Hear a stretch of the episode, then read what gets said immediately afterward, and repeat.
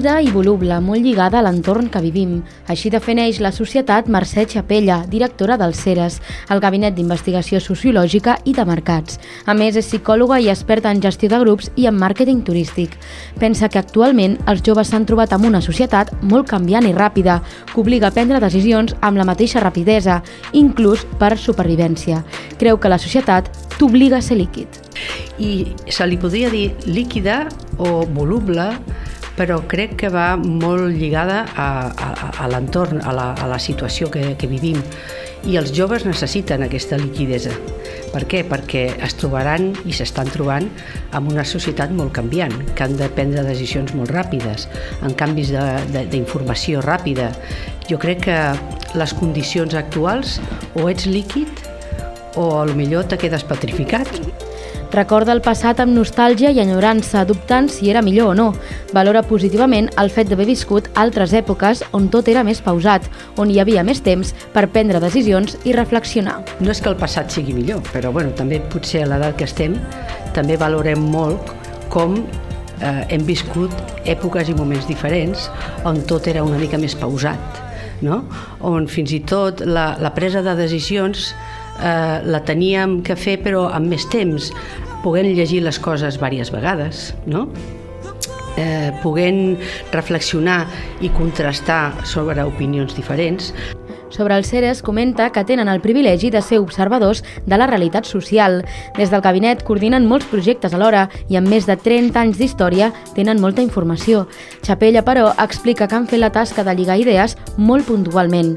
Remarca també que mai han fet servir la informació ni per avançar-se decisions ni per influir en cap sector. Té clar que la professionalitat i el temps passen per davant. Eh, aquesta capacitat després de reflexionar, lligar aquesta idea o aquesta informació amb l'altra, pues, l'hem fet molt puntualment. Per tant, sí que és veritat que tenim molta informació, però no l'hem fet servir.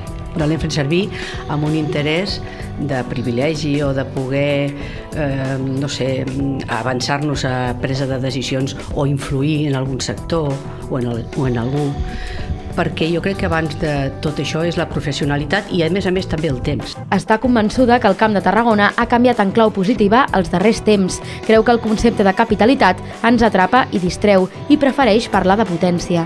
Està convençuda que la demarcació són potència en turisme, química i energia. Aquí, eh, si parlem de Catalunya, Tarragona, o també altres noms que li podem donar, eh, Camp de Tarragona i les Terres de l'Ebre, que, en què som la potència? Jo crec que som potència en turisme. I això, ostres, estem molt millor que fa uns anys. Som potència en química i som potència en, en energia. Compara l'àrea metropolitana de Tarragona amb el monstre del llac Ness, perquè és un tema que apareix i desapareix. Creu que ens enfrontem a una barrera, que és que aquesta àrea metropolitana necessita un lideratge, que afirma que hem comprovat que no ha sortit per enlloc. Creu que és una mala decisió esperar que les administracions assumeixin aquest lideratge, ja que són temporals i volàtils.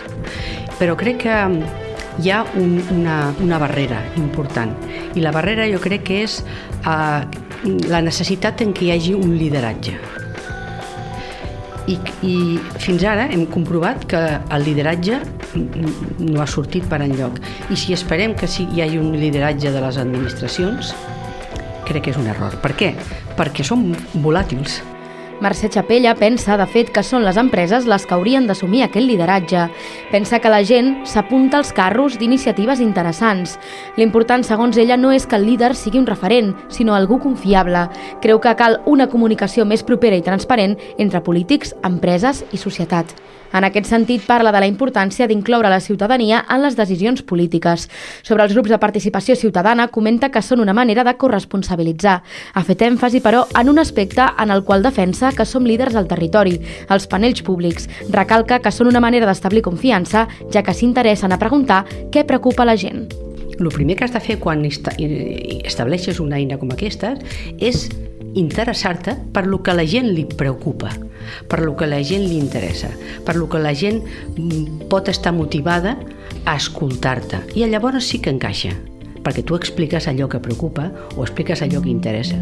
I aquest diàleg actiu es converteix precisament en una eina d'establir major confiança entre el que jo faig, que segurament que sóc perillós, que tinc riscos, tal, però si jo ho explico, l'altre podrà entendre que puc fer fins aquí.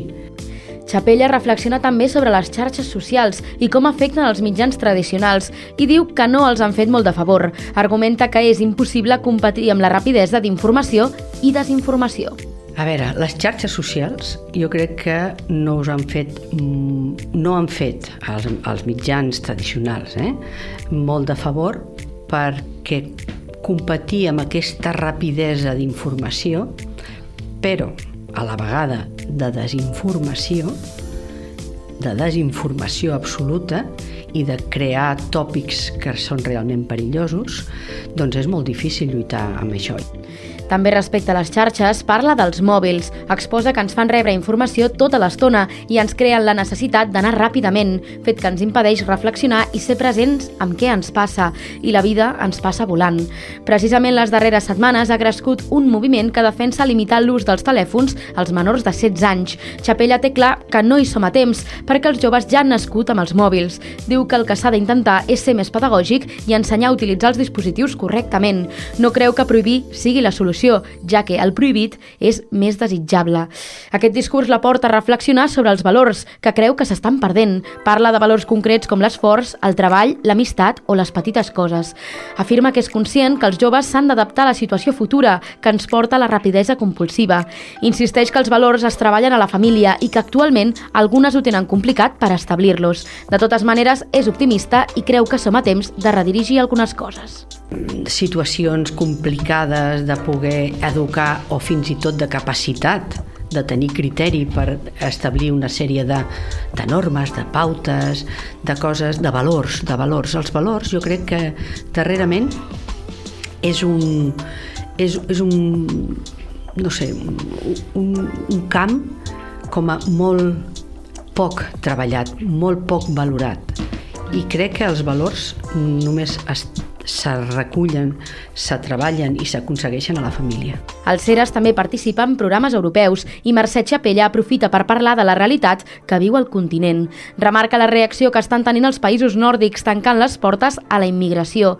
Creu que se senten amenaçats i que aquest pensament està arribant també a Espanya i Catalunya. Remarca que cal observar que la història són cicles i que ara per ara Àfrica, per temes climàtics, guerres i necessitats, s'està desplaçant cap al nord. Pensa que en altres moments de la història Europa ho podia assumir, però que ara s'està generant una reacció en contra perquè ni l'educació ni els líders estan preparats. Creu que els països senten que la seva realitat està en perill. Són més joves, els, les famílies africanes, la, la, la, la població africana és més jove, per tant tenen més capacitat també reproductiva, per tant d'aquí un temps això farà un canvi i, nosaltres som, envellim, la nostra societat és cada vegada més vella, tampoc no tenim capacitat de reproducció. És una cosa natural. Llavors, eh, el que no sé és que no estem preparats. Per què? Perquè tampoc ni l'educació, ni eh, els grans dirigents, ni els països estan per això. Mercè Chapella defensa que es parla de multiculturalitat fins que aquesta afecta els vots i assumeix que en la política actual mantenir la cadira és més important que altres coses.